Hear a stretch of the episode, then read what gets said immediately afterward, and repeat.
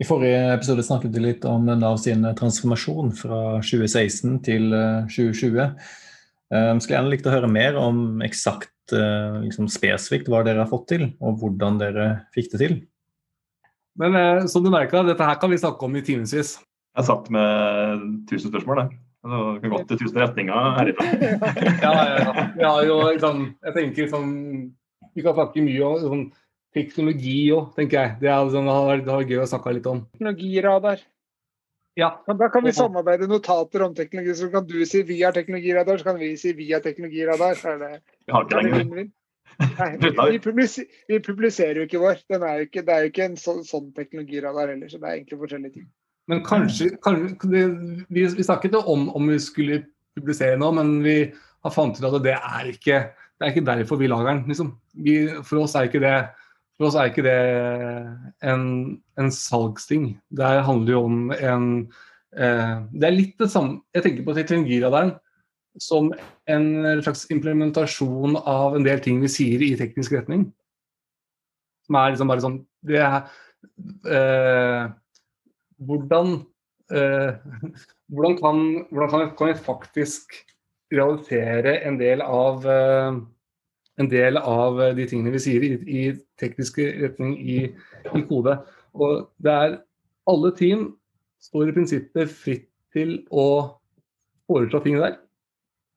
Istedenfor at man før hadde hadde lang conference-side som uh, lista ut hva slags teknologier og rammeverk som var lov å bruke. Uh, og, men i praksis så brukte man noe, noe helt annet. Masse, masse skygge-IT. Så er teknologiradar noe som fjerner uh, skygge-IT uh, og åpner opp og viser hva som, er, hva som, er, hva som faktisk brukes. da. Fordi alle team kan foreslå det de selv ønsker å gjøre. Uh, ønsker å bruke. Og, da, og så sitter det en liten redaksjon som kurerer disse forslagene uh, og plotter det inn i, i, i, en, i, en, sånn radar. da. I Adopt eller Try eller Hold også. Da går du fra å være negativ til en positiv ting. tenker jeg. Er det, no, er et verktøy som gir deg mulighet til å få oversikt over hva andre driver med? ikke et verktøy som stopper noen fra å gjøre noe. Det er ganske stor forskjell i tankegang. da. Det er liksom, eh, Dere har adaptert den biten eh, hos eh, Spotify. Det I stedet for standardisering så er det path of least resistance. At mm, det som hmm? Golden path, takk det det Golden path, kanskje det heter kaller for. Jeg tror det var path of least resistance. At Velger du det flest andre brukere, så får du mest hjelp. Men du må ikke velge det.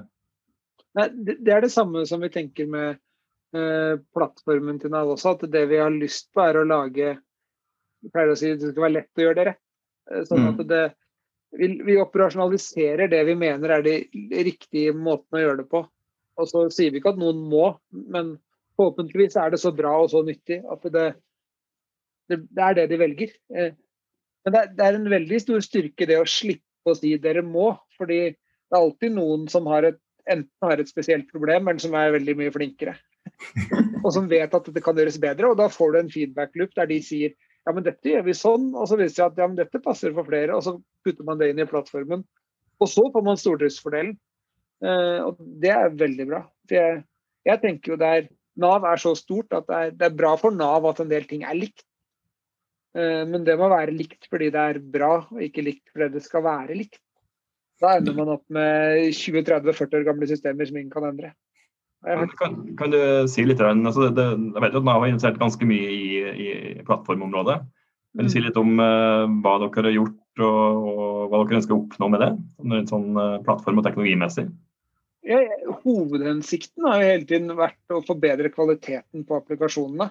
Uh, og lage, lage verktøyene som trengs eller ja, lage verktøyene som trengs for å gjøre det enkelt å gjøre applikasjonene bedre, og få dem til å bli mer endringsdyktige og mer flyttbare og mer robuste.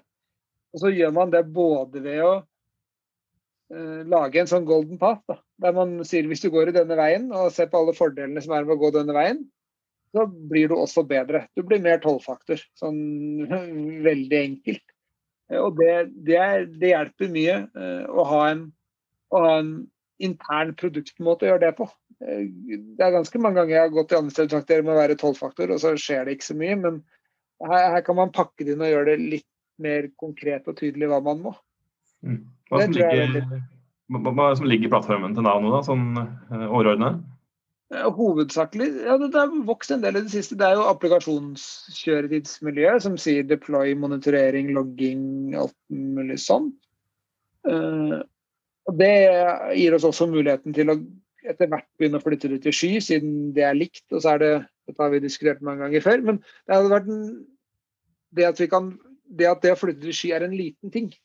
Det gjør det lettere å flytte til sky for mange. Eh, hadde, hadde, man kunnet flytte noen de enkle appene til Skyfort, så hadde man fortere kommet ut med noe, men nå kan vi ta større grep. Men i tillegg så har vi bygd ut med kapabiliteter på sikkerhet og data uh, i Nice-plattformen. Og det siste som vi nevnte forrige gang, var det med Nice Device, som er liksom styring av laptoper. Uh, som er det som gir oss muligheten til å gjøre sånne ting som å ha fornuftig forhold til Linux-laptoper. Og det siste vi kom med nå, var jo tidsbegrensa tilgang til produksjon, hvor man egentlig ikke har tilgang til produksjon, men når du trenger det, så går du inn på en side, sier hvorfor du skal ha, og så får du én til åtte timers tilgang. Og så stenges det igjen. og det, det er jo enda sikrere. Det, det, det er på ekte bedre enn det vi hadde før. Eh, da hadde man enten tilgang eller ikke tilgang. Nå har man tilgang bare når man trenger det. Med et ekstra lag sikkerhet. Men jeg tror liksom det ene poenget der med med eh, tidsbegrensa tilgang til prod, det tror jeg er på ekte en ting som Nav er litt alene om nå, og, få, og har fått til skikkelig bra. Som en, som en viktig, viktig plattformkapabilitet. da. For det er også noe med det å gjøre at Det er også noe med at eh, de enkelte tilgangene til folk, de personlige tilgangene til folk, ikke skal være så mye verdt. Mm. At du, vi vil egentlig ikke at noen skal ha tilgang til prod. Bortsett fra når, når, de trenger det, og da skal de få det eh, for en tidsbegrensa periode, og da med full audit-logging. Og det er jo ikke Vi er ikke de eneste som vil det, men jeg, jeg, jeg tror det å få det til som en plattformkapabilitet som er enkel å bruke, det, det tror jeg er noe vi kommer til å se mer til etter hvert. Da. Jeg vet at Asher har det, og sikkert andre skyplattformer har det også, ja. noen tjenester, men det er en fryktelig fin måte å gi tilgang på, som jeg antar at Riksrevisjonen er ganske glad for. Ja, er, vi bruker jo det også. Dette er liksom fra, på nettverksnivå fra selve laptopen. Som gjør at vi kan dekke overalt. Så betyr det at, eh, for I gamle dager så var det med prinsipp om at utviklere skal ikke ha tilgang til produksjon i hele tatt. Det er kun driftere som skal ha tilgang til produksjon. Og så var det et sånt skifte hvor uh, alle utviklere fikk tilgang, full tilgang til produksjon til enhver tid.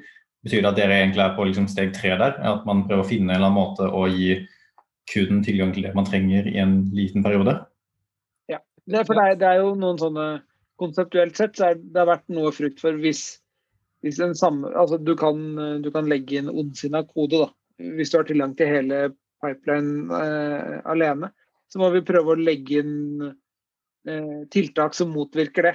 Både ved å ha veldig stor åpenhet, altså Git er jo veldig god på å være åpen, og så gjøre sånne ting som at det er bare, bare container fra noen repostorer som kan gjøres, og det kan være signering, og vi følger, og det er signerte commits og den type ting.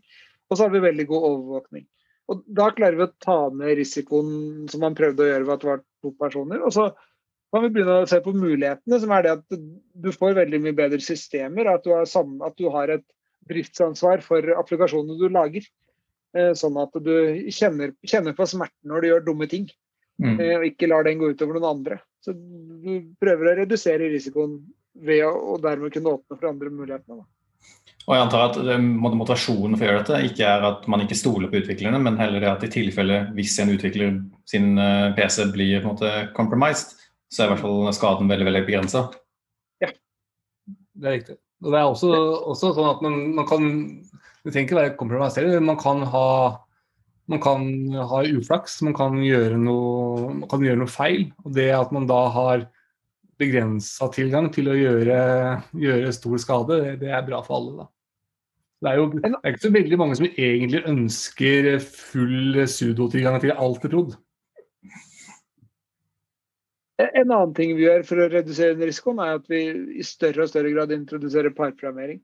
Istedenfor den derre flyten med at du har pull request og at noen godkjenner endringer, så sier vi at det er to stykker som må ha øynene på koden på den måten istedenfor. Det, det har mange andre fordeler igjen. Så bestandig så prøver vi å redusere den ene risikoen og øke muligheten ved å gjøre parprogrammering. Og da får vi ting som du får bedre kompetanseoverføring internt i teamet, du får bedre kode. Er, jeg merker at de gangene jeg parprogrammerer, så unngår jeg mange av de fellene jeg går ellers. for at du Ofte så ender man opp med å prøve for lenge på, i feil vei. Altså Når du har en som sitter ved siden av deg og forteller at dette er vel ikke det du skal gjøre akkurat nå, eller dette, er, dette tror jeg ikke går, så hjelper det veldig. Da. Det er en, jeg var veldig skeptisk til det før, og så fikk vi, en, fikk vi en uh, gammel ringrev som heter Fred George, som uh, var så gammel at alle bare hørte på ham. Uh, og han sa det må være parprogrammering. Det, det, er ikke noe spørsmål. Og det at vi liksom, det var, ikke noe, det var ikke mulig til å si nei, og da fikk du prøve det. da, Så vi, har vi noen gode teknikker med at du roterer ofte, sånn at du ikke sitter sammen noen lenge og den type ting, som tar bort litt av det, det mentalt slitsomme med det. At du bytter problem og du bytter person å forholde deg til på daglig basis. Da får du veldig mange av fordelene. Da. Du må fortelle litt om uh, Fred George, tenker jeg. Så det er en ganske artig ja. historie her. Fred George begynte eh, Veldig morsom historie er at det begynte fordi jeg og en annen som nå heter Yao, som nå jobber Av, skulle på Noma og spise mat. Eh, det som da var verdens beste restaurant i København. Så vi fant oss en konferanse. Dette var før Nav, så ingen statsmidler gikk med til dette her. Eh, så vi fant oss en konferanse i København som vi ville på. Og der var det tilfeldigvis at Fred George hadde et kurs. Han har et helt fantastisk sånn todagers workshop om å lage microservices. Eh, og så var vi på den, og så var det kjempebra. og Så spiste vi mat, og så dro vi hjem. Og så henta vi inn Fred George først. Når jeg jobba i Finn, hadde han kurs for oss et par ganger der. Og når vi begynte i Nav, så gjorde vi det samme en gang til. Eh, så han var og holdt det kurset for eh, mange av utviklerne. Og så begynte vi å nærme oss jeg hadde liksom, vi hadde hatt kurset mange ganger. Og så plutselig en uh, sommer så kom det mail der han lurte på om han kunne få begynne å jobbe hos oss. Uh, og da flytta han fra Las Vegas til uh, Sandegata. og så begynte han å jobbe for et av de store teamene i Nav, det som jobber med sykepenger. og det revolusjonerte han på omtrent to dager. Før han kom inn der og begynte liksom å kjøre Han er jo snart 70 år, jobba i 50 års erfaring som utvikler. Uh, kan 70 programmeringsspråk. Uh, favoritten nå for tiden er Kotlin. og han kom inn og brukte mange av de gamle XP-tingene, egentlig. han har en konsept som heter Programmers Anarchy, som er liksom det han bruker. og det funka veldig bra i det teamet, og nå har han hoppa over til neste. Nå har han jobba en del med dagpenger. Eh, så han, eh, han, er veldig han er veldig god på ting som ikke så mange er gode på, egentlig. Med gode, gamle design patterns og objektorientert modellering. Som passer veldig godt i det problemområdet vi prøver å løse i de systemene. Det var han som innførte pakkearmering?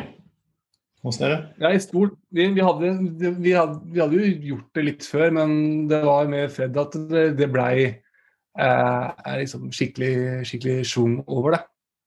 Og det, som, det jeg har sett etterpå, i, også i, andre team, er at de, team, de teamene som har gjort dette her som en helt integrert del av sin utviklingsprosess, de, eh, de, de fjerner liksom behovet for disse superheltene disse 10X developers, de som ikke kan være borte, de som ikke kan ta ferie, de som ikke kan bli syke, for da stopper alt opp.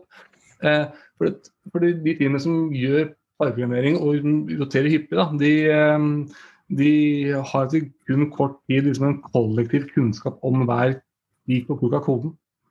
Og det, det, det, er egentlig den største gevinsten som vi ser da, med, med å, å, gjøre det sånn. Mm.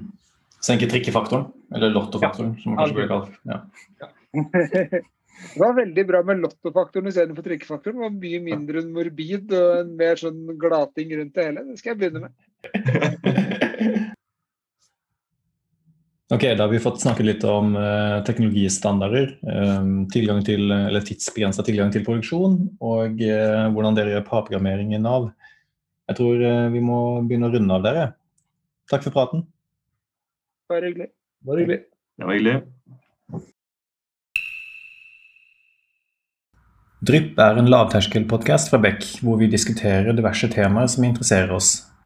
Og Hvis du har et tema som du har lyst til at vi skal snakke om, eller du vil være med på en innspilling, ta kontakt på drypp.beck.no.